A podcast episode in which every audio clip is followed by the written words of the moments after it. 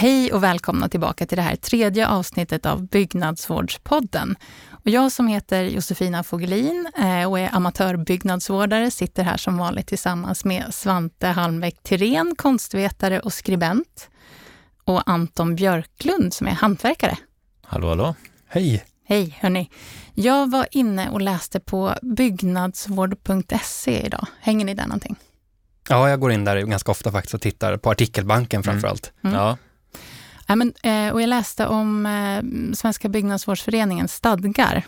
Har ni kollat på dem någonting? Slaviskt. Varje nej, vecka. jag kan inte Nej. säga att jag... Inte det? Nej. Eh, men där, där står det i alla fall att föreningen ska verka för att byggnader och bebyggelsemiljöer från alla tider ska skyddas, vårdas och bevaras. Jag tyckte det var en väldigt fin stadga. Mm. Ja. Och om man ska knyta an till vårt allra första program som handlade om vad byggnadsvård egentligen är, så tycker jag också att det gör saker väldigt eh, tydliga. Det är liksom Ja. inte bara svulstiga sekelskiftesvillor som är bevarandevärda, utan byggnadsvård spänner över alla tider. Men det kanske inte Ja. alla tänker på. Nej, Nej, precis. Men det är det som är så bra nu att vi kanske kan väcka lite diskussion om att det är ju inte en sak byggnadsvård, utan det finns ju flera olika liksom, varianter och Ja. typer av kunskap som ingår i det här. Precis. Fulfuru som du tog upp. Ja, just det, den kontroversiella fulfurun. Morgondagens eh, byggnadsvård, Absolut. kanske. Och nu blev det ju lite filosofiskt här, men det är inte filosofi vi ska hålla på med idag, utan det här programmet ska ju faktiskt handla om måleri, eller hur Svante? Det stämmer. Och en inte så obetydlig del av att vårda hus, det handlar ju om färg och färgsättning och målning. Och vi har eh, en gäst här idag. Ja, och det är Ludvig Tigerhjelm. Välkommen hit. Tack. Och Ludvig, jag beskriver dig ofta som kulturmålare, men det heter ju lite olika. Traditionell målare. Vad, vad kallar du dig rent yrkesmässigt? Jag kallar mig kulturmålare. Det passar mig bra. Inte traditionell målare då? Nej. För de har abonnerat det vad jag förstår.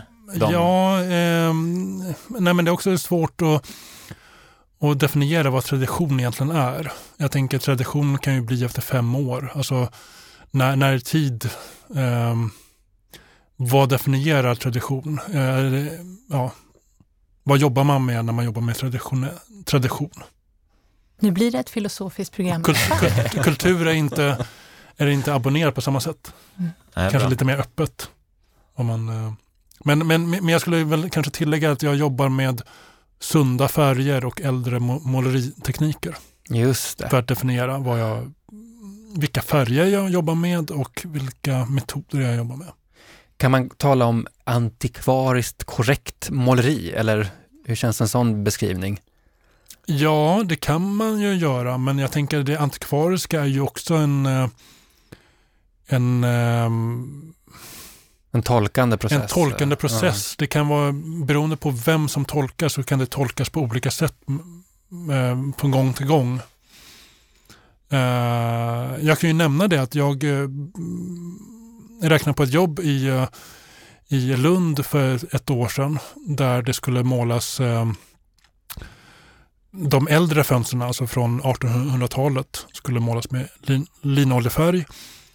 Eh, och fönstren från 60-70-talet skulle målas med, med alkydfärg och de moderna fönstren från 2000-talet skulle målas med modern färg. Och Oj. det är en form av byggnadsvård, Mm. tänker jag, där man varje material ska målas med sin, alltså, ja, Varje tidslager får sin egen, ja, Okej. sin egen Ja. tolkning. Eller, ja. ja där, man, där, man, där man inte förändrar årsringarna utan man bevarar årsringarna. De förändringar, de bevarar man över tid. Och det stämmer ju inte överens med mångas tankar om byggnadsvård, idag. Nej. Nej.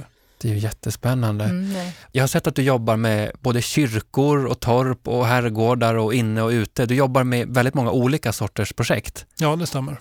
Eh, men jobbar du själv mest eller jobbar du med andra också, eller hur?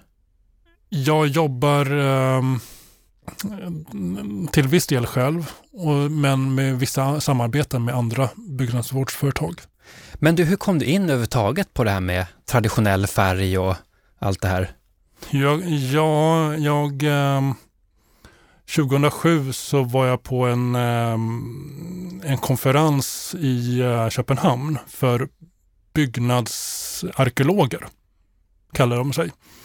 Och då var det en, eh, en ehm, konservator i Norge, Jon Brenne, som eh, föreläste om hur de på NIKU i Norge tittade på gamla, gamla svartvita fotografier och ut, utifrån dem avläste, konstaterade vad det var för kulör på husen. Mhm. Det här med, alltså jag har inte, jag har inte riktigt koll på det med ortokromatisk, eh, alltså det en gammal svensk flagga från 1907 eh, ser annorlunda ut. Ja, just det, det blir inverterat. Man kan se på gamla kort så blir man förvirrad för den ser ut som eh, Precis, eh, precis. vad är det, finska flaggan istället för svenska. precis. Så, att, så, att, så, att, så, att, så att gamla fotografier på, som man spontant skulle säga att det är ett rött hus med vita knutar, förklarade han där att det, de, de, han hade ett, ett exempel, det var ett hus då som, som man trodde var det, men de konstaterade att det var, egentligen var grönt och det var, ja, var helt andra kulörer än vad man hade tänkt sig, eller vad man trodde. Det är ju ett jättebra och då tips. kände Ja. jag att det var, wow, det här vill man ju jobba med. Sen jobbar, Det- inte, det sen jobbar inte jag med det, men jag jobbar med, med, med måleriet ändå. Ja, just det. Det är ett bra tips för våra lyssnare. Den ortokromatiska effekten, nu är vi inne på nörderi här, men det är just det här du beskriver, att på gamla bilder, bara för att det ser mörkt ut så behöver det inte betyda att det var det, för det beror på hur kameran har läst, helt enkelt. Du kan Just det här bättre än jag. Ja, vet jag inte, men jag har hört talas om det i alla fall. Ja, men jag har sett lite på Instagram, fast det är ju det är för sig inte bara hus, utan det är också lite andra folk och sådär, hur man har försökt ta tillbaka färger. Det är rätt läckert alltså. Mm, Man kan ju lära sig väldigt mycket hur det såg ut förr i tiden. mm. Och vi har fått ett gäng eh, lyssnarfrågor från personer på Instagram också, som vi kommer ställa till dig under den här intervjun. Hur ser en typisk arbetsdag ut för dig? Finns det några typiska Oj, arbetsdagar? nej, det finns inga typiska arbetsdagar. Nej, inte alls. Nej, Det de kan är, väl- de variera är väldigt från- olika. Väldigt Mm. olika. Jag jobbar eh, väldigt mycket runt om i landet. Eh, alltså olika arbetsplatser, olika miljöer. Ehm, ja, så det är svårt att säga att det är på ett visst sätt. Ehm, Men från... men, men, men, men, nej, men jag är väl jag är ingen 7 till 4 människa. Mm. Utan jag jobbar, om jag jobbar ute så jobbar jag så länge, försöker jobba så länge det är ljust. Alltså, jag, alltså för att man är beroende av torktider, man är beroende av eh, ja, torktider, att, att, det, att man hinner med. Så Det är en kringresande målare, typ som förr i tiden, på Som 1800-talet. förr i tiden, Ja, fast jag kör dieselbil, jag kör, inga, jag kör ingen. Häst och vagn. Häst och, häst och vagn. det. Vilka avslöjanden. Mm. Då vart jag lite besviken där. Nej. men din, Men, det, men det, det gäller ju att få med sig allting. Ja. När man eh, reser omkring så ska man ha, ha allting. Har du egen så här receptbok också som man hade förr i tiden? Så man, så, ja, men jag har min guldockra, den är faktiskt lite finare än eh, Riksantikvarieämbetet. Jag har min re- receptsamling på Ja. olika slamfärger. Det har jag. Ja, bra. Ja. Kul. Och hur ser din typiska uppdragsgivare ut? Finns det en sån? Mm, nej, det... Hälften av jobben jag gör går genom andra entreprenörer, alltså andra kollegor som tar hjälp av mig. Snickerifirmor eller uh, murputsfirmor som tar hjälp av en målare för mindre uppdrag. Eh, men annars är det väl eh, privatpersoner i eh, ja, 40-årsåldern skulle jag säga. Villaägare eller gårdsägare Mm. som har intresse för det traditionella. Nu använder jag det ordet igen, eller fast jag inte skulle. Eh, nej, men för det äldre eller för, för eh, människor som inte vill ha plast. Som vill ha måla med andra färger än plast. Eller som kanske har äldre hus med äldre, man har hus med papptak och så vill man eh, laga dem eller spänna nya papptak. Så man har ett intresse av att bevara de interiörer ändå. Jag har, inga, jag har eh, väldigt få kunder som bygger, bygger nya hus och anlitar mig. Mhm. Det, det, dit har jag inte kommit än. Är det en svår bransch att ta sig in i? Alltså om man säger att man är inom citattecken vanlig målare men vill börja arbeta med det här mera, är det, är det svårt eller finns det ett stort behov av fler? Det finns ett jättestort behov. Det är en jättebrist på kulturmålare i Sverige idag. Så att det finns mycket jobb. Sen hur det är som modern målare att ta sig in, det vet inte jag för jag har inte den bakgrunden. Det är nog mer ett mindset, tänker jag. Mm. Man får tänka Men, bort men, allt men det, det, gamla. det, det är nog svårt inom byggnadsvården överlag. Om, Mm. man, om, man är, om man är enmansföretagare och ska ta sig in och antingen har man kontaktnät, andra som man samarbetar med, men att, att ehm, för jag tänker det är två ben. Det är, dels är man hantverkare och så är man företagare. Man kan kombinera det. Of, ofta så är man hantverkare, man kan vara jätteduktig hantverkare och så är man usel företagare. Kan inte ta, ta betalt för sitt, sitt jobb. Det känner jag igen. det. Ja, Ja. Det, det kan man Ja. nog skriva Man gillar att jobba men inte liksom hela den där administrativa delen, fakturering och ta betalt och sådana saker. är det kul att ta betalt? Ja, nej men alltså, nej, men alltså men, men, ja. Märker att det finns ett eh, ökande intresse då? ja, det finns ett eh, ökat intresse eh, på sätt och vis. Om vi... Eh, det, finns ett, det finns ett ökat intresse för att göra det själv. Det gör det. Eh, baksidan med det kan vara att man går den lätta vägen. Man, alltså, eh, jag, jag märker ofta jag, att folk har äldre hus, man har ett papptak, pappspänt tak man, som är trasigt, man plockar ner det och så tänker man linoljefärg, det är byggnadsvård. Det är traditionellt. Nu målar vi taket med linoljefärg. För mig, byggnad, alltså byggnadsvård och eh, det traditionella, det är ju hantverket i centrum. Och man ska bevara hantverket, man ska bevara eh, de metoder och material som finns i huset. De årsringar. Och då, men, om, men om man tar bort pappspänningen, eller vävspänningen om, om det är så, och eh, ersätter med linoljefärg, så tar man ju bort det där som är lite ovanligt. För att man, för att man ändå... Men, för att I man jakten ändå, på det genuina. Ja, och för att man egentligen inte vill ta sig råd att anlita en hantverkare, utan man vill göra det själv. Just det. Och, och någonstans, nu- är jag partisk här, men jag tänker också att vi hantverkare, vi lär oss ju, vi blir bättre hantverkare av att få göra jobben. Så att vi, alltså by, man, man tar ju byggnadsvården framåt genom att anlita en hantverkare. Man lär sig, jag, jag får erfarenhet och för varje pappspänningsjobb jag gör så blir jag ju bättre och bättre och bättre. Men om, men om man inte anlitar hantverkare för pappspänningsjobb, då blir vi ju bara färre och färre som kan göra de jobben. Och då Mm. tar ju byggnadsvården ett steg bakåt. Mm, bra poäng. Man måste hålla hantverket levande, det är ju jätte, jätteviktigt. Ja, Nej, men jag tänkte på det här då med, eh, det, det diskuteras ju hela tiden förstås, vad, vad lägger vi i begreppet byggnadsvård eller traditionellt måleri och sådär. Om, om vi begränsar oss till färg och, och måleritekniker, vad, vad tänker du är liksom inom i det här området? Är det allt som är innan ett visst årtal eller är det mycket mera ett tänk som, som är viktigt för dig? ja, jag tänker väl då det äldre måleriet, det traditionella måleriet är fram till andra världskriget. Eller fram till, kanske fram till in på 60-talet. Uh, eh, för på 60-talet så, när man, många nya hus som byggdes, alltså lägenhetshus som byggdes, så målades husen, att taken, väggar målades med limfärg. Limfärgen blandades på plats fortfarande. Uh, och det hör det äldre måleriet till. Så det är där någonstans när man går från att man egentligen blandar, tillverkar färgen på plats till Mm. att man på ett ra- rationellare sätt eh, köper färgen färdig. Så går man in i en ny era.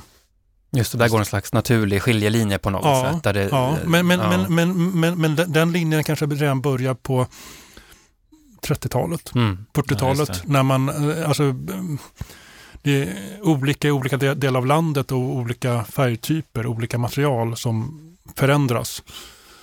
Ehm, Om man säger väl någonstans att lin- linoljefärg slutade någon gång på 1950-talet. Då började liksom cellulosafärger och andra typer av akrylatfärger mer eller mindre ersätta. ja, ja och, alltså, och det här också med att kring ehm, andra världskriget, när, eller egentligen mellan världskrigen, när linoljan går, alltså blir dyrare så bör- börjar man ersätta med andra Just det. saker. Det. är då man också börjar, man har haft terpentin i linoljefärgen förr, alltså eld i äldre tider också, men väldigt, väldigt, väldigt lite. Men 40-50-tal så har man betydligt mer. Och då går man in i en annan, eh, i en annan era också. Just det.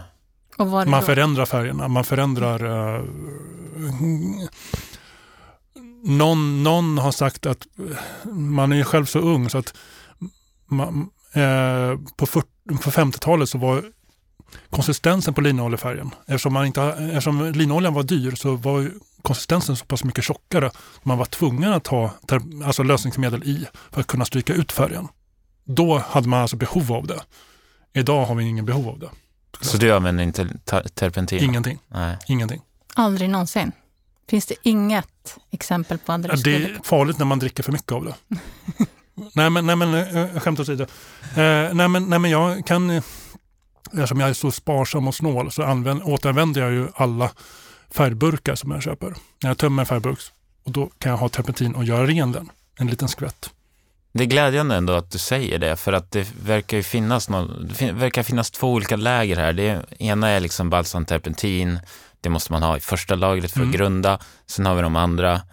Eh, jag... men, men, men, jag har, eh, men jag har det aldrig i färgen. Nej. Jag har det som, en, som ett, ja, som ett rengöringsmedel. Eller ja. som man, man, man, man, kan, ifall man får en, eh, man kan ha tvätta av ytan med innan man målar. Ja. Ja. för jag tycker den känns väldigt obefogad, men vissa säger att ja, du får bättre genomträngning och det ena och det andra, men den är, jag skulle säga så här, det finns ingen forskning på det här. Mm. Vi saknar forskningen. Eh, Jon Brenne som jag nämnde tidigare, han har nämnt en, en eh, studie i Norge på 60-talet där man forskade på det här. Alltså på, på eh, terpentinets påverkan på linoljefärgen. Men den studien är den enda jag har hört talas om där man verkligen har studerat Ja, för i min värld låter det mer som att man försvagar den. Ja. Men varför, jag tänker, för det är ju ett av de stora trätoämnena ständigt i byggnadsvården, det är det här med linolja, kallpressad, varmpressad och så vidare. Varför väcker det så mycket känslor tror du? Eller starka uppfattningar det här med, med färg? För som du säger, det kanske inte finns så mycket vetenskaplig egentligen undersökande bakom då, eller? Nej. Det verkar finnas en väldig stolthet i alla fall i de olika ståndpunkterna. Ja, det kanske är min lärare den rätta läraren. Men sen, sen är väl det att man är barn av sin tid. Man, man, eh, om, en, om en äldre målare som är född på 40-talet, uppvuxen, eh, gick som lärling på 60-talet, så han, så han har ju lärt sig av dem på den tiden, hur de jobbade då. Jag kan inte komma och säga att han har fel. Han har lärt sig hur de gjorde. Eh, men, eh, och han kommer aldrig att erkänna att det är bättre på ett annat sätt. Och Nej. kanske finns det inte heller en exakt sanning, utan att det faktiskt är så att olika målare på olika platser i Sverige har gjort ja, olika ja. historiskt. Och, och, har det funkat, mm. då fortsätter man ju på det sättet. Mm. Jag kan tänka mig att terpentinet gör ju att du får en, en sämre färgfilm. Alltså den håller sämre. Så att om man har terpentin i färgen då kanske, då kanske man får måla om fasaden, alltså husfasaden, efter tio år. Det kanske är helt okej okay att måla om efter tio, tio år. Eh, har du inte det i, då kanske det håller 20 år. Eh, men det kan också vara så att eh, fasaden är så pass utsatt att det ändå inte håller så pass mycket längre. Alltså det kan vara väldigt, väldigt varierat mellan olika platser. Mm. Späder ja. du färgen på något sätt? Använder du olja? Eh, det beror på vilket fabrikat jag målar med. Får man nämna fabrikat här? Det får man, ja. det tycker jag. N när jag målar med Vibo, eh, som jag oftast gör, så, eh, så, så, är ju den färgen färdig. Det är alltså en burk för grundfärg, en burk för mellanstrykning och en för slutstrykning. Så att eh, då behöver jag inte fundera så mycket. När jag målar med Ottosson eller Ingvar Claesson, då har jag i linoljefärg när jag grundar. Förlåt, linolja. Jag har i linolja när jag grundar. Ja. Och hur mycket jag har, det beror på underlaget. Mm. Och är det då det kokt det, du använder? Det är rå som jag har när jag grundar. Mm. Och det kanske är 5-10 procent mm. som jag har i. Om, om det är så att underlaget suger väldigt mycket. Om det inte suger så mycket, då har jag inte i någonting. En annan Eh, sån här, kokt mm. har jag i, i, slut, i, alltså i sista strykningen om Mm. jag vill få den lite blankare Mm. färgen. Just det. Jag tänkte på en annan sån här regel som man har ofta, det är så att man ska måla så tunt som det bara går Mm. med linolja. Är det, stämmer det alltid eller finns det fler sätt Nej. att tänka kring det där? Jag skulle säga att Mm. nio av tio idag personer som målar med linoljefärg målar för tunt. Det där är så roligt. Intressant, berätta Ja. mer. Eh, nej men... Eh, ja, ska jag börja? Du får tänka lite. Ja, men de brukar alltid säga Ja. att det ska vara mer kvar i burken när man är klar än när man började. Ja. Så det här Ja. håller vi på och tjafsar om hemma hela tiden. För jag är ju åt- åt det lite mer flödiga hållet Ja, än vad min man då, då är. Det blir ett jäkla massa det tjafs om kanske det en där. tävling. Så här. Jag fick ut 25 Ja, men det är kvadrat lite ur så. en liter. Oj, Men jag, jag- fick 20. Ja, 20. precis. Men jag är inte alltid säker på att han har rätt där. Han som står och gnussar och gnussar på Nej, sin för att, man kan ju tänka så här, man vill ju att penseln ska hålla länge också. Ja, gärna. Ja. Ja. För att om man, om, man, om man nu har köpt en dyr pensel, Mhm. mm, Vilket så, man så, bör. vilket man bör ja, Ja, för att gynna hantverket med precis. Eh, så då, då gäller det att inte, alltså, inte gno för mycket med penseln. Eh, och man brukar säga att en liter ska räcka till mellan 10 och 15 kvadrat. Eh, och då blir det rätt flödigt. Men det måste ju bero också på hur, vilken teknik man har, men också vilket typ av yta det är. Vilken nytta. Alltså, ja. Hyvlad, sågad, inne, ute. Det är ju jättestor skillnad. Mm. Men eh, Hur mycket An- det suger. anledningen till att man säger så är kanske för att någon gång har någon faktiskt målat för tjockt och så har det liksom inte torkat. Och då har det blivit någon sorts grej, ja men det är bättre att du stryker ut det jättetunt liksom. Jag skulle säga att man är barn av sin tid. På, om, om vi säger för 20-30 år sedan så har man jämfört linoljefärgen med al alkydfärg eller en, en, en, en, eh, en vattenburen färg eh, som man målar tjockare. Så relativt, eh, alltså, jämfört med dem så ska man måla den här mycket tunnare. Och idag när alla målar tunt så fortsätter man med att man ska måla tunt. Man ska måla tunt. Och jag säger så här, man kan ju måla jättetunt. Målar man ute, då får, kanske man får kompensera det med att måla fem, sex, sju gånger istället. Så det går ju bra. Det är, alltså, det är inga problem. Och det är oftast svårare att ändra. Man har det man har i handleden. Eh, jag, jag var med på en workshop förra hösten i Mariestad. Eh, och ehm, där testade vi olika uppstrykningar med linoljefärg. Först så strök vi vad vi hade i handleden, alltså vad vi målade naturligt. Och sen så strök vi, eh, man räknar i my, det är mm, mikromillimeter tror jag. Och då strök man först 25 my, 50 my, 75 my, 100 my, 125 my. Och jag har ungefär 40 my i handleden. Och egentligen kanske man skulle ha 60-80 my. För att man ska på tre strykningar få så pass tjockt att, man, att, eh, att det räcker med tre strykningar. Eh, Men eftersom jag har, har det i handleden så tänker jag att det är mer jobb för mig att, att måla tjockare än att fortsätta som jag gör. Så att numera så räknar jag alla jobb på fyra, fem strykningar istället för det går ändå snabbare för mig att fortsätta på samma sätt än att ändra. Och, och när man strök 100 my, det var ju man fick lägga på färg och så fick man mäta, så fick man lägga på mer färg, så fick man mäta. Alltså det var ju bara svårt. Men det finns något jobbigt. verktyg alltså. Det, fin- det, fin- det finns en, En liten, liten en liten kam, kam, jag skulle ja. haft med med den här idag. En liten kam med eh, som man kan mäta med. Precis. Med olika taggar så här, så man kan mäta eh, hur tjockt det blir. En sån ska jag skaffa hem. Titta, Sån, det här är vad jag har i sån skulle alla, alltså, Ja. sån, sån skulle Ja. alla byggnadsvårdare ha. Vad Var får man tag på en sån? Går det ens att köpa som privatperson? Eh, Nej. jo, men eh, ehm. Eh, byggnadsvårdsbutiken i Robertsfors. Ja. Där kan du beställa. Okej. Mm. Han, det. han kan skicka. Eh, och Ja. det, det finns säkert fler. Det finns Ja. fler Ja. runt om som har. Det kommer mer och mer.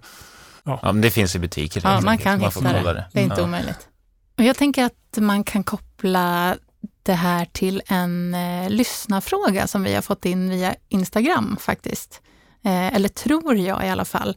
För det är en person eh, som skriver så här. Det blir en kladdig yta när jag arbetar med, eh, när jag målar med linoljefärg, även efter att det torkat. Vad beror det på? Ja, alltså jag skulle eh, säga att det kan bero på att man målar för tjockt. Eller att man egentligen har låtit färgskikten torka. Alltså man, man, har inte, man har varit för snabb att måla på nytt. Och det, kan, och det kan också bero på en dålig färg, en dålig, en dålig to, eh, torkande olja. Oljan kan ju tappa i reaktivitet. Så en gammal linoljefärg kan ju bli sämre, torka sämre. Okay. Eh, jag skulle, inte säga, jag skulle inte säga att man måste kassera färgen, men man kanske behöver tillsätta en ny olja till den linoljefärgen för att den ska torka bra. Okay. Det kan vara en sån sak. Ja. Mm. Antingen lite otur eller så har de målat lite för tjockt kanske. Ja. Mm. Jag kan tycka att det ibland är så, även om man tycker att man har gjort ett så bra jobb man bara kan. Om det är något skåp eller någonting man förvarar glas eller böcker eller något, så kan det ändå kännas som att det är lite klibbigt liksom. Trots att ytan är dammtorr. Mm. Eh, men det, alltså, jag har aldrig varit med om att det liksom inte har försvunnit efter kanske ett halvår. Liksom, så att man kanske får ha lite tålamod också. Mm. Men, men, men, men just, just, just sådana ytor som, är, som man ställer saker på är ju extra känsliga. Så där ska man, när man målar dem, ska man vara extra extra tålig och vänta mellan strykningarna skulle jag säga. Just det. Och hur, hur, lång, hur lång tid brukar du vänta mellan? I normala fall, eller just, just när jag målar sådana ytor? Ja, men kanske när du målar sådana ytor då? Där du är lite extra? Då kanske jag skulle vänta en vecka mm. emellan. Mm. I normala fall när jag målar så har jag en torktid på 12, mellan 12 och 24 timmar. Um, så då skulle jag ex, vänta extra länge. Och skulle du säga då att om det inte har torkat på 24 timmar, tyder det då på att man har kanske målat lite för tjockt eller har det kanske haft lite otur då? Eller? Ja, eh, men, men det kan ju också vara eh, för dålig syresättning i rummet. Mm. Ehm, det är syret som gör att, eller delvis gör att färgen torkar. Just det. kan vara för kallt, det kan vara för varmt. 18 mm. grader är rätt bra. Mm. Mm. Är det 26 grader då är det alldeles för varmt. Då tar det längre tid för att torka. Mm. Och för det, tror jag, det där verkar ju som att det är många som tror att det ska bara vara varmt. Mm. Men som du säger där att det syret är det som oxiderar, det är det som gör det. Så det är därför man lika gärna kan måla kanske i november eller jag har faktiskt målat i december ett par garageportar. Mm. Och bara det är liksom bara det torrt? Torrt, exakt. Jag, jag, jag har ett jobb här fram i mitten på, på, december där jag ska måla fasad utvändigt. Och så länge jag, jag ska skrapa och måla och så länge jag tänker att jag målar samma dag som jag skrapar, alltså det, det jag skrapat varje dag, det målar jag samma dag. Då ser jag inga problem. Men om, men om jag väntar, om jag inte hinner med och det kan bli, det kan bli fuktigt, det kan bli nederbörd som står på, då kan det bli blött. Mm. Och, då, och då, då, då, kan, då kan det bli problem. Just det. Eh, ja, nu blev det ju väldigt mycket prat om linoljefärg här, men det finns ju andra trevliga färger. Slamfärg till exempel. Det var en eh, person som undrade, kan jag måla med falurödfärg nu, alltså i november, vid denna årstid, med mycket fukt i luften? Ja, jag skulle säga att fukten gör ingenting. Ehm, det är kylan som kan ställa till det. Så, så länge det är plusgrader och eh, en slamfärg bör man ju alltid när man målar med den så bör man värma upp den. Den ska målas varm. Precis som i det äldre måleriet. Då, då, till, då, då tillverkar man ju färgen och måla den direkt när den var varm. Så att jag, eh, när jag målar med slamfärg så värmer jag upp den till 60 grader ungefär och målar med den varm. Och eh, det har jag gjort flera jobb i november månad. Eh, aldrig haft några problem. Så att värm den och så måla på, skulle jag säga. Vad spännande, för man tänker ju att det är sommar, sommargöra att måla med slamfärg. Men nej. Det kommer du inte undan nu. Nu nej, kan du ju måla där hemma. Men en, men en annan liten sidofråga. Men, men en, en, annan sak som jag kan tillägga då på en gång angående slamfärg är att Det är viktigt att man inte målar när det är för varmt. Det är det många gör, att det är för varmt. En, en, en färgen, att det är mycket vatten i färgen. Det, det vill man ju ska torka så långsamt som möjligt. Så man ska dels eh, skydda fasaden från solen om det är soligt. Och så om det är väldigt torrt kan man, eh, kan man fukta ytan först. Så att, så att, så att man eh, så att ytan inte är för torr. Och så målar man. För vad kan hända med färgen om ytan är för torr? Ja, den, den torkar för snabbt. Den, eh, den håller inte li mm. lika länge. Jag säga. Brukar du ha linolja i den? För det verkar... Aldrig. Ah, okay. ja, just det, också en sån vattendelare. Ja. ja. Varför det? För att det är ett modernt påfund.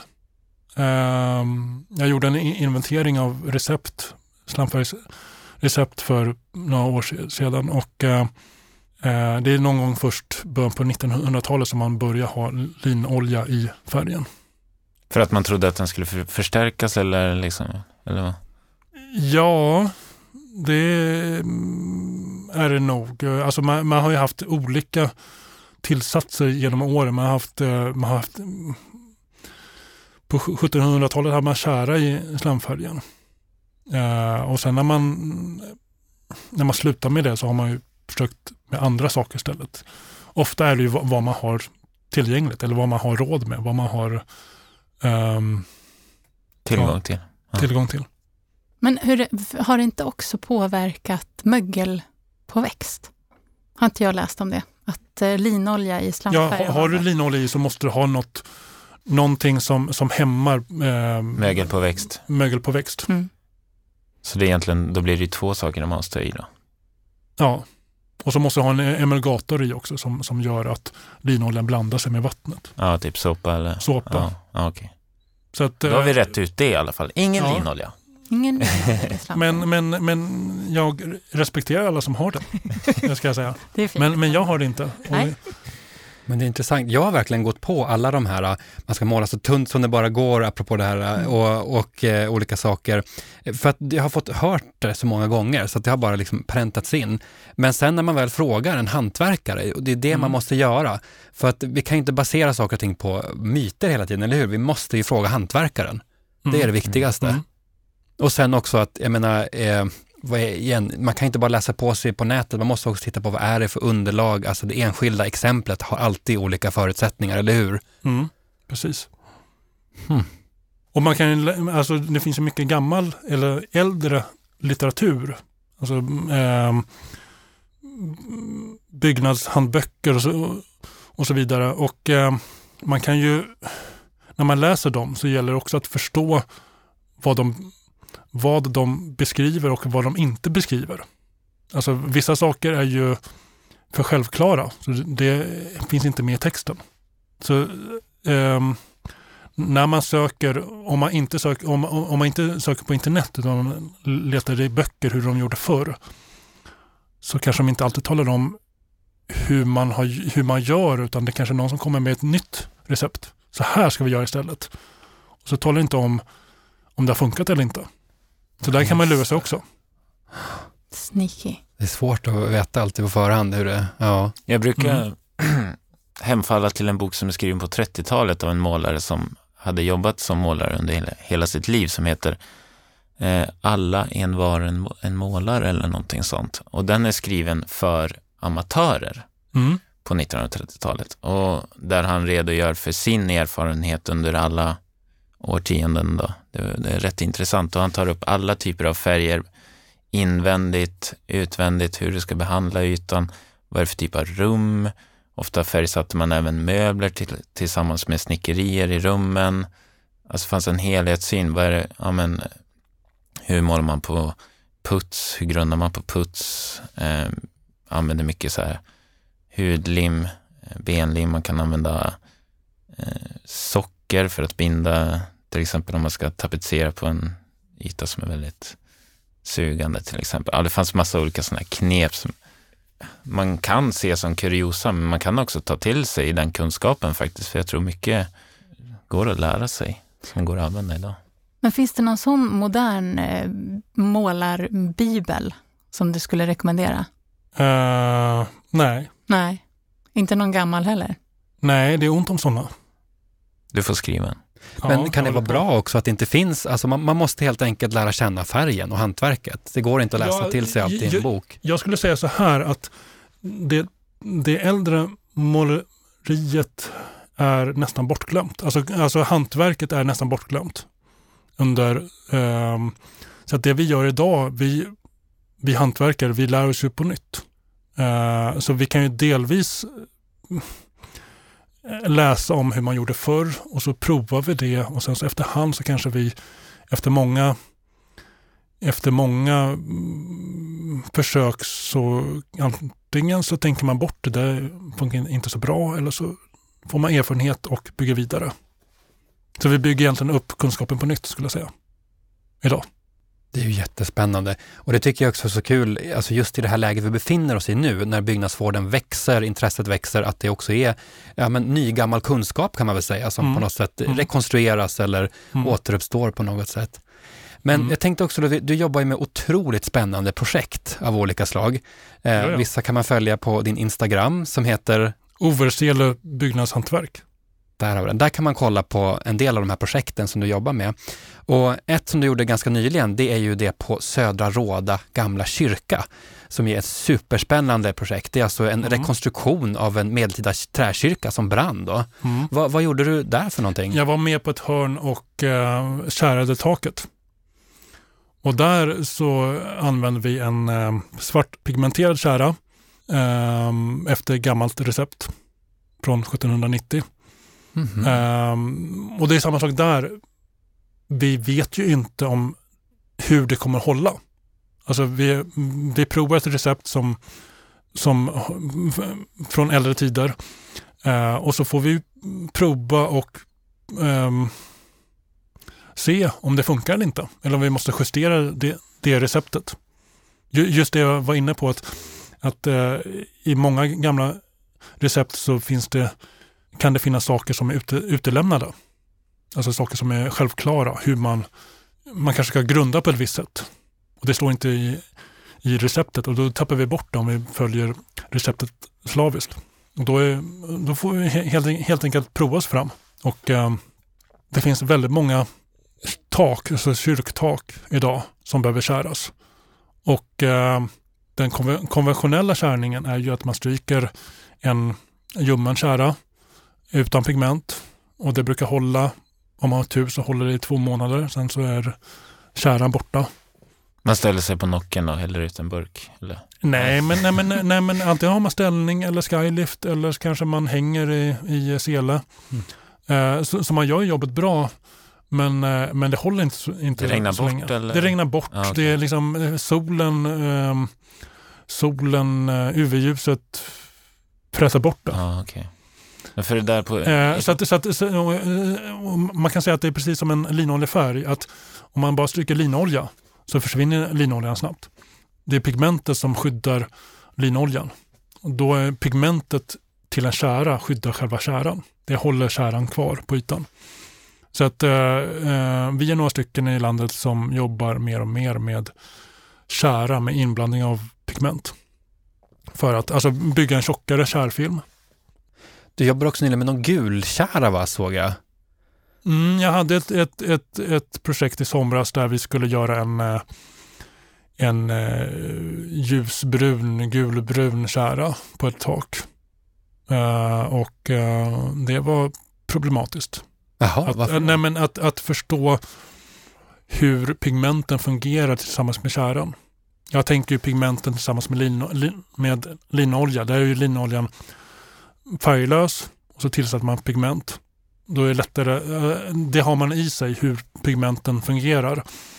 Men om man tillsätter pigment till en brun kära, hur pass mycket påverkar pigmenten? Var, eh, hur mycket pigment kan man ha i? Hur mycket bör man ha i för att få en viss nyans? Det, det, där, där, där kan man forska. Mm. Där Men- kan man, Där i Råda, där tror jag jag såg att ni använde kol, eller vad var det? För att pigmentera, eller vad? Kimrökspigment Eh, jag hade ett, ett, projekt i förra våren, i, uh, alltså i våras i Haninge där vi kärade uh, två klockstaplar, taken med kära kimrök och sen slängde vi på sand, arbetade in den och så slängde vi på krossad kol, arbetade in det. Aha. Och Det är också ett sätt att få större partiklar uh, till ytan för att skydda kärran. En gammal, en gammal tradition. Sen om det funkar, hur det håller.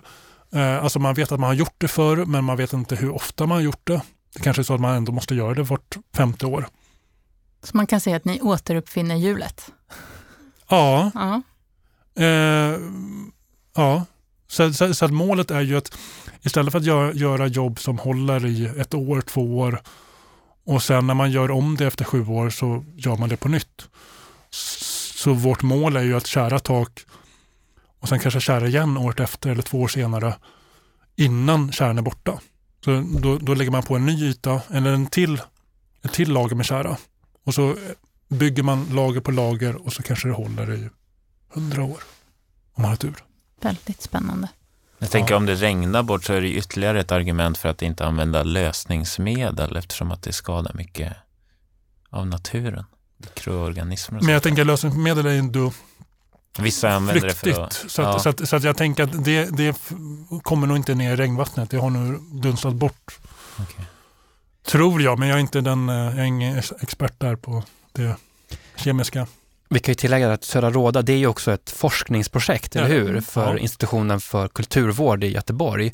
Men jag tänkte på också, om man tittar mer principiellt, är gammalt alltid bäst, så att säga? Det finns ju en väldig stolthet i byggnadsvården att de gamla teknikerna är alltid de bästa. Eh, vad säger du? Ja, eh, jag skulle vilja säga ja på det. Men, men eh, alltså, eh, pratar vi teknik eller pratar vi material, metoder? Både och tror jag folk brukar hävda. För, både, för, att, ja. för att jag vill ju gärna se att man kan blanda, om vi tar metoder. Uh, jag använder gärna spikpistol när jag pappspänner. Det spar ju mina handleder och armar och jag kan göra fler jobb. Jag kan, um, jag, kan, jag använder roller ibland när jag målar med lin, linoljefärg. Vi är chockade här inne. Allihop är chockade. Jag, är inte ni jag, chockade? Eh, då, man kan få ut, alltså det gäller, alltså i, i, inte, inte, fluff, inte, inte fluff, fluff rollen utan det är en väldigt ja. korthårig roller. Mm. Så eftersläter man med penseln ja, av naturborst. Nej, ja, nej, men, nej, men man, man, får på väldigt tunt med, um, nu ska man inte ha, få på för tunt, men man får ändå på, man får ut färgen snabbt och det går snabbare att måla med roller. Så, um, så den, den, den, har sina fördelar. Jag säger inte att jag alltid gör det, men man kan, det kan vara fördel ibland. Uh, så, att, alltså, så man kan ta in det moderna eller det, de nya uh, redskapen till det äldre. Så att om vi säger de, de men, gamla men, materialen men, är ofta men, bra? Material, ja. ja. men det är också uh, gamla typer av lin, linoljefärger har vi inte längre. Vi har, vi har inte samma oljor, vi har inte samma pigment som vi hade förr. Så det är svårt att jämföra. Rödfärg, slamfärg är samma sak där. Vi har inte samma färger. Ja, men det är väl vettigt att man kan eh, plocka, alltså inte bara helt förbise det, alltså att utvecklingen har gått framåt. Det tycker jag ändå man, det öppna sinnet måste man ändå ha.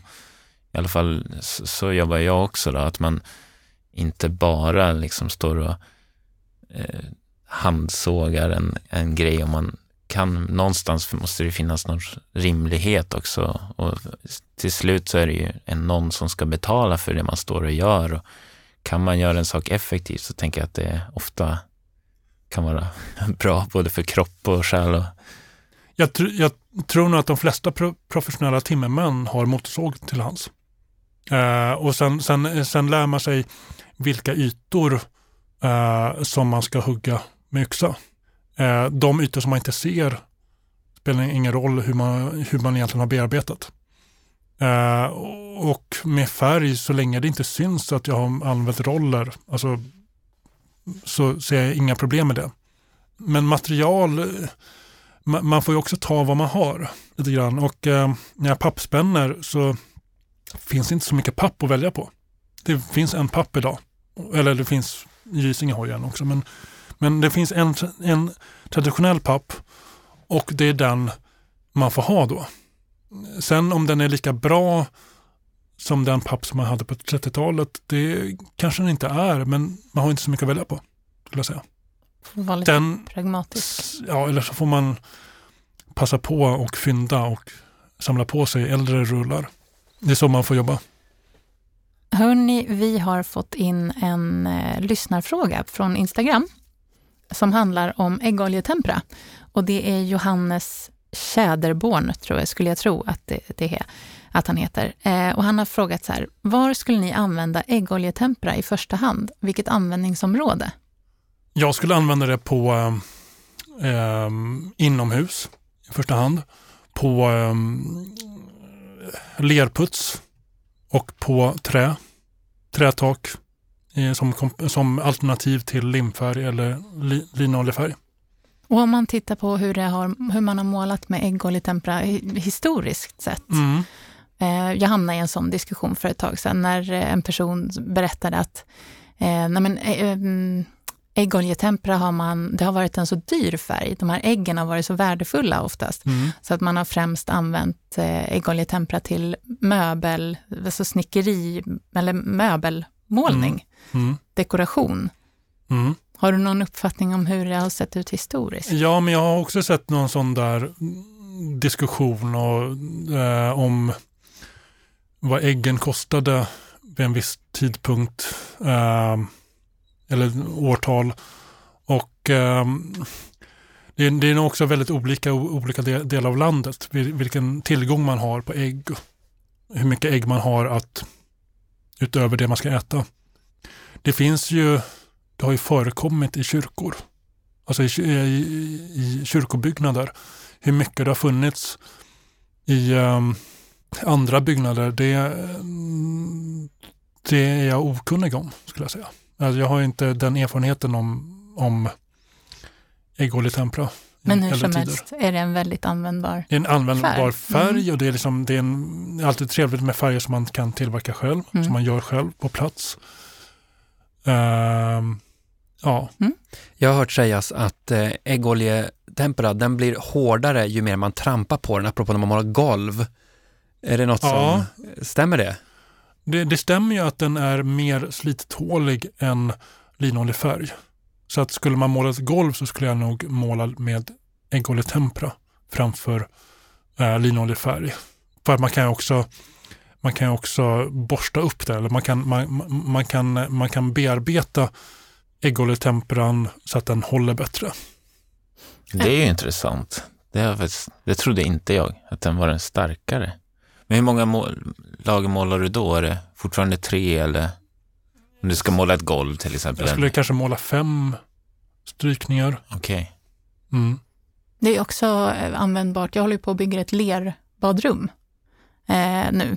Och då Mm. rekommenderas ju äggoljetempera Mm. för att Mm. den är den mest eh, genomsläppliga färgen av, av nu våra, de som jag använder inom byggnadsvård. Ja, Så Det är klart du ska ett- köra med den. Då är det bara att välja någon fin kulör. Ja, men det kommer jag Kommer. absolut göra. Jag kommer absolut stå där och måla. Det kommer bli toppen. En en annan eh, eh, lyssnarfråga som vi fick, det handlade om eh, färgsättning. ja. Det är ju ett stort område och ganska svårt. Frågan lyder så här, hur ska man tänka när man ska färgsätta ett rum? Finns det rätt och fel? Ja, eh, nej, det gör det väl inte. I, eh, ehm, var person har ju sin smak i allmänhet. I byggnadsvårdssammanhang så kanske man ska tänka på, för mig är det mycket bevarande i byggnaden. Eh, så man kanske ska, hittar man spår i byggnaden så ska man ju återskapa, alltså de färgsättningar som har funnits. Ehm, inte så att, det- att, att det behöver se ut som det, som det var när huset byggdes. Inte så, men i alla fall kanske att färgsättningar, olika kulörer passar ihop i rummet. Mm. Man kan göra färgtrappor på, på panelen och på, på dörrfoder och på taklist. Och så ser man vilka som passar ihop där. Om man nu pratar det, den antikvariska byggnadsvården eller den, den, eh, den, eh, det traditionella äldre måleriet. Ja, byggnadsvård i allmänhet så kanske inte är lika viktigt. Men Men jag, om... jobbar, men jag jobbar inte där, men jag jobbar inte med den allmänna byggnadsvården om jag får säga så. Men om man nu står där då och jag själv är just där nu. Mm. Eh, vi har varit tvungna att byta ut ytskikten. Så vi har, och vi hade inga spår i de ytskikt som vi bytte Mm. eh, från gamla eh, färgsättningar. Mm. Så nu ska vi liksom välja allt från början. Mm. Och det finns ju otroligt mycket färger. Mm. Och otroligt mycket vackra färger också. Eh, om man säger att man ska färgsätta ett kök, hur, hur börjar man ens? Jag skulle ju tänka att husen ska ju användas. Mm. Så man ska ju trivas. Så man ska ju välja någonting som man trivs med. Och kanske tänka att man använder naturliga pigment. Eh, alltså färger som är gjorda med naturliga pigment, jordpigment. Att man väljer bort de syntetiska pigmenten. Och då har man ju ändå skalat ner rätt mycket. Men det finns jättemånga Det finns kvar ändå. kvar. Nej, men, nej, men, så att, så att men efter det så finns det väl inga rätt eller fel. Mm. Utan det, det, det, Gör det inte det? Finns det inga så är här tumregler? Nej, då är jag Ja, men inte det finns, safe, det jag är finns helt lost. men, men, jag menar, det finns ju regler, men, men där och då, om det inte finns någonting kvar så återskapar du ju, eller du skapar ju någonting nytt. Mm. Du skapar ju nya årsringar. Mm. Eh, och vem är jag eller någon annan att säga att du gör fel? Mm. Du, du skapar ju, du målar inte ett gammalt rum utan du skapar ett nytt rum Mm. som du målar. Så är det faktiskt, absolut. Ja. Så jag menar, ja, om du bygger ett nytt kök Välj en färg du älskar. så, så eh, sätter, du nya, sätter du in nya skåpluckor så varför ska man ha en kulör från 1870 till det här nya köket? Det, det kan ju bli fel. Det kan bli fel. Ja. Vilken, Eller, eller det, behöver, det behöver inte bli rätt. nej, vilken frigörande tanke känner jag. Känner mig mycket lättare redan. Mm, verkligen. Ska jag måla mitt kök rosa? För jag Ja. gillar rosa. Ja, det är, Ja. det är fint. Ja. Ja. Jag har målat hus rosa. Ja. Fler Det, rosa det, det, det, det är nog det jag brukar säga till kunder när de frågar mig om färgsättning alltså av hus, villor. Så det, det kommer med i första hand, det är rosa. Tycker du att vi målar för mycket vitt idag? Det är också en sån här återkommande fråga. Är vi fast i ljust och fräscht? Eller börjar det släppa? Ja, vi målar kanske eh, eh, när vi bygger nytt. Alltså nya hus är det mycket vitt. Men jag är sällan i nya hus så att jag känner inte till det. Men nej, Vi vågar mer i gamla det, hus kan, kanske? det, det, Ja. det kanske är mer så där att vi är kvar i att vi målar husen röda med vita knutar. När de aldrig har varit vita. Nej, just det. Det alltså när de kanske egentligen var gråa och röda. Det finns ju ingen, det finns ingen slamfärg som är rätt. Det har ju funnits en mängd olika pigment, olika typer av pigment, olika alltså, pigment eh, eller ställen som man har tagit, tagit fram pigmentet på. Så att det röda har skilt sig åt. Det är bra att du tar upp det, för det är en annan sak som man ofta hör tvärsäkert sägas att nej, men förr var all rödfärg, den var ljus och så vidare. Ja. Men det har ju berott på blandningen. bränningen och blandningen. Och det är många som säger att eh, man måste ha äkta farlig rödfärg. Det, det har ni säkert hört Mm. allihopa. Ja. Och för mig så finns ingenting som är äkta. För jag menar, fram till, jag vet inte, men någon gång i mitten på 1900-talet så har man ju tillverkat all slamfärg själv på plats. Så, det finns, det, alltså, så då har man ju köpt det pigment, alltså det, det, det, finns ingen, ingen tillverkare som är mer rätt än, än någon annan. Ingen färg som är mer rätt, inga pigment som är mer rätt. Inga, när, när jag blandar, när jag står på marknader och, och eh, tillverkar slamfärg så brukar jag välja något annat än rött också för att få folk att inse att man kan måla med gul slamfärg, man kan måla med brun slamfärg, man kan måla med grön slamfärg. Allt måste inte vara rött och vitt. Mm. Jag tror att det är många lyssnare som blir glada av att höra det här, därför att jag tror att om man är ny i byggnadsvård så hittar man ju snabbt de här väldigt eh, tvärsäkra påståendena till höger och vänster, men det är ju lite mer nyanserat ändå när man undersöker djupare, eller hur? Mm. Det är ju bra för alla att veta. Jag tycker alltid det är så när man pratar med, med professionella byggnadsvårdare, att de, de är inte alls så där tvärsäkra som man är på, på det här internet, som jag har hört talas om kanske. Men, men, men, men det är väl också det att alltså, Facebook idag som exempel Mm. är ju det är ett vuxendagis. Folk, vill, folk har behov av att hävda sig och mm, kanske byggnadsvården idag skulle jag säga är många nyfrälsta som nya byggnadsvårdare som har behov av att påtala vad de har läst, vad de kan, vad de vet. Eh, och så kanske man själv var när man väl var ny. Att man hade, hade lärt sig någonting och så här skulle det vara, så här ska, ska man göra. Och efter, med åren så kanske man blir lite mer, eh, det finns många sanningar. Eh, det finns många sätt att göra det på. Jag kan ju, alltså, om jag stöter på problem så kan ju jag ta kontakt med andra kollegor, äldre kollegor som har gjort den här typen av jobb förr. Jag kan ställa frågor till fem stycken målare och jag får fem olika svar på hur jag bör göra. Återigen det här med att det finns olika sätt, det finns olika erfarenheter, det finns olika rätt eller fel. Och det är väl någonting vi kanske borde försöka hjälpas åt mer inom byggnadsvården, att faktiskt eh, ja, men hylla det här istället för att se det som ett problem. Alltså att, att det finns flera vägar, det är ju någonting jättebra. För i slutändan, varje byggnad och varje byggnadsdel är ju sitt eget specialfall, eller hur? Mm. Klart att det finns rekommendationer och olika sätt att tänka, men just att det finns flera sätt och inte bara ett, det är ju jättebra. Mm. Åtminstone för, för oss som ska göra byggnadsvården sen, tänker jag. Det är klart att det passar ju inte de som vill hävda tvärsäkert olika saker, men att hus är liksom komplexa och lite olika och att hantverket också är någonting levande, det är ju fantastiskt tycker jag egentligen. Det gör det ju nästan mer spännande. Även om man kanske ibland vill ha bara, men nu, säg bara hur jag ska göra. Så, liksom, men ja, det är en och, öppen process. Och, och, och, trycka på det här med årsringar i husen. Mm. Att man behöver inte, alltså det kan vara fint med ett, ett rum med masonit och ett rum med pappspänt och ett rum med pärlspont och Mm. ett rum ehm, jag, har, jag har ett hus uppe i Hälsingland och där kommer jag att ha, alltså badrummet och köket kommer att vara modernt. De andra rummen, där kan jag ha pappspända tak och väggar. Men kök, alltså jag kan, liksom, jag kan leva med att, att vissa rum är av idag. Utan problem. Alltså, Men lever du med det då eller har du valt, är det ett medvetet val? Det är ett medvetet val. Mm. För jag tänker också att det behöver inte vara byggnadsvård till 100% eller byggnadsvård eller inte. Utan, utan eh, så länge jag är medveten om vilka delar som är byggnadsvård. Alltså vilka, vilka jobb, vilka, ja, vilka rum som är byggnadsvård och vilka som inte är det.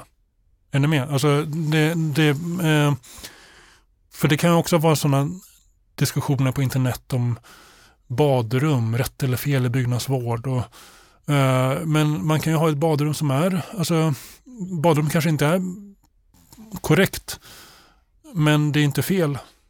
Eller, eller, eller då frångår man liksom den här den gamla stilen. mm. Där har man moderna faciliteter, samma sak i köket. Ja. Jag var hos en kund i- precis innan vi kom hit som, ja, vi gick igenom lite saker som skulle göras. Och där var han ju nörd ut i fingerspetsarna, ville återskapa mycket grejer och ta fram originalprofiler. Så hade vi gått runt i hela lägenheten från, ja, sekelskiftet. Mm.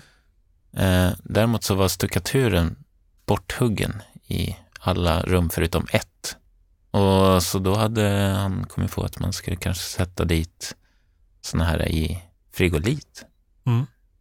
Då blev det lite dålig stämning där. så jag tänkte att "Nej, det där får du göra själv liksom. Mm. Ja. Det finns ju ja, man tänker ju lite olika. Men jag tänker nog lite som du nu med, med det här lerbadrummet som vi håller på med. Mm. Eh, för det är ju ett väldigt modernt eh, påfund med lerbadrum, även om Mm. nu lera är ett material som man har använt, eh, inte överallt då i Sverige, ska man väl säga. Eh, nej men att eh, estetiken i badrummet behöver inte, det behöver inte se gammalt ut. Eh, som jag tänkte först, som jag hade för mig. Att, att, man, att man köper det här med byggnadsvård som paket. Att antingen så älskar du allting, antingen ser allting ut på ett visst sätt eller eh, så gör det det inte. Men man kan ju faktiskt välja russinen ur kakan. Mm. Mm. Mm. Jag tycker det låter Det var en bra sammanfattning, Mm. Josefina. Ja. Men vad roligt att du kunde komma hit Ludvig och berätta om ditt Verkligen. hantverk och dina idéer på vad du ser på traditionell, eller kulturmåleri kanske vi ska säga då. Inte Mm. traditionellt måleri Nej. nej. Utan var jättekul. Tack så hemskt Tack. mycket. För att Ja, jag fick får komma. gärna komma tillbaka. Jag gör det. Kommer jag gärna. Verkligen. Ja. Jag har massor av frågor kvar från Instagram-högen. Ja. Tack så mycket. Tack. Hörrni, I eh, förra avsnittet så pratade vi ju med eh, ett länsombud hos Svenska byggnadsvårdsföreningen, Arianna Benigno, Just det. i Italien. Och jag tror att hon fortfarande är kvar där och att hon också är med oss idag. Är du det, Arianna? Ja, och jag är fortfarande i Italien. Ja. Ja, vad bra. Ja, vad kul. Vad har hänt sen sist?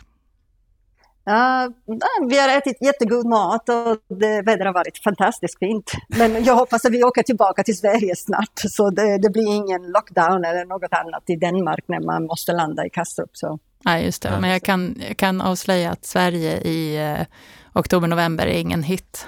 Så jag skulle stanna i Italien om jag var du. Det kanske finns något hus du kan pyssla med Rädda. under tiden. Ja. Ja, jag har kollat faktiskt och det fanns några som var intressant. Ja. ja, häftigt. Fast vi vill gärna ha tillbaka dig till Sverige också. Vi tänkte ju eh, prata lite om ett speciellt objekt på gula listan som finns eh, i Skåne där du är länsombud. Ja, Och du hade förberett eh, lite om ett speciellt objekt. Vilket var det? Ja det här kvarnen i Hör. Mhm. Eh, Och det är en eh, byggnad som är jättespeciellt eftersom det är en, det sista industriell byggnaden i Hör som är kvar. Och det tillhör en område som heter Byggland som eh, byggde ihop under, i slutet av 1800-talet när järnvägen utvecklade i Hör. Och det har varit en magasin, en spannmålskvarn, även en, de tillverkade madrasser i den och det var också en lantmänsaffär, så det var allt möjligt faktiskt. Jaha. Och det är jätte eh, välbevarat inne speciellt. Det finns allt möjligt som man kan koppla till kvarna, eh, funktionalitet. Och det är i jättebra skick, ståndet i gott skick och så, där och så vidare. Det finns fina detaljer. Även om från utsidan är, det ser ut lite shabby kanske, om man kan säga så. Mm. Vilka är det som det vill grej- riva det här då? Ja, det är politiker faktiskt. Ehm, De har, ehm, 2009 kommunen har köpt hela området och de har rivit allt som fanns där och det var många träbyggnader. Eh, Och också en eh, silos från eh, 50-talet eh, i betong. Mm. Och de rev allt för att eh, förtäta och exploatering ehm, av området och nu det är bara kvarnen som är kvar. Mhm. Eh, och det grejer är att de kan planlägga eh, snart den andra delen av det området och ehm, alla är ehm, ganska rädda att de kommer också att riva kvarnen eftersom ehm, de har inte hittat till idag någon som har varit intresserad att ta hand om den. Även om de har påstått att de har eh, försökt att sälja den till, eh, till tusen kronor till vem var intresserad. Jaha. Men eh, idag det finns tre spekulanter och den grejen är att ehm, den, kommunen nu vill att de köper marken för en miljon kronor.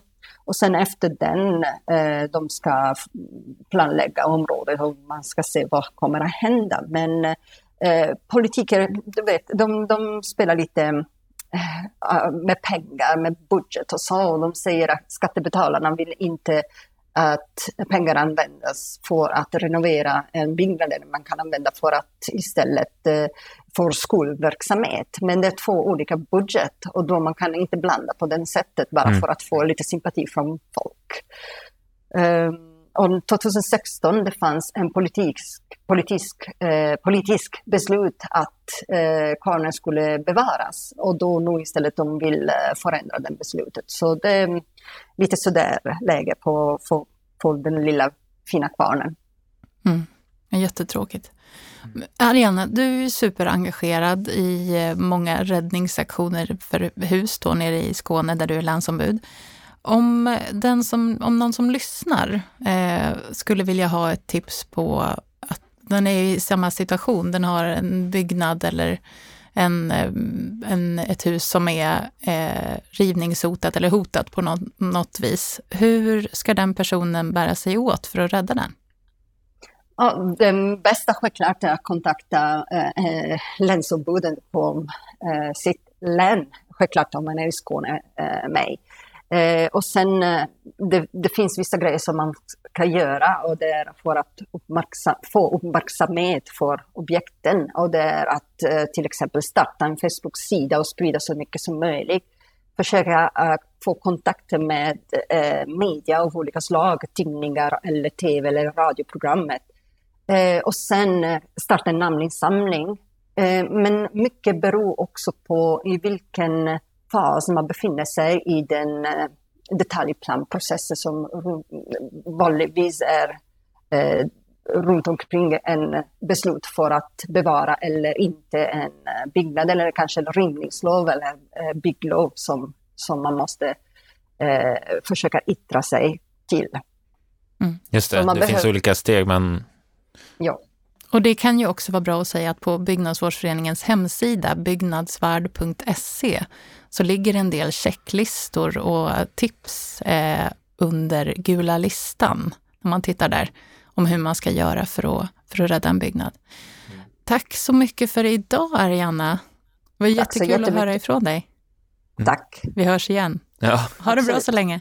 Hej då. Tack så mycket, detsamma. Hej då. Hörni, vad mycket jag har lärt mig. Ja, jag med. Jag känner mig korvstoppad. Och avlärt mig också. Ja, verkligen. Myter måste hem och processa det här. Ja, men det måste vi verkligen göra.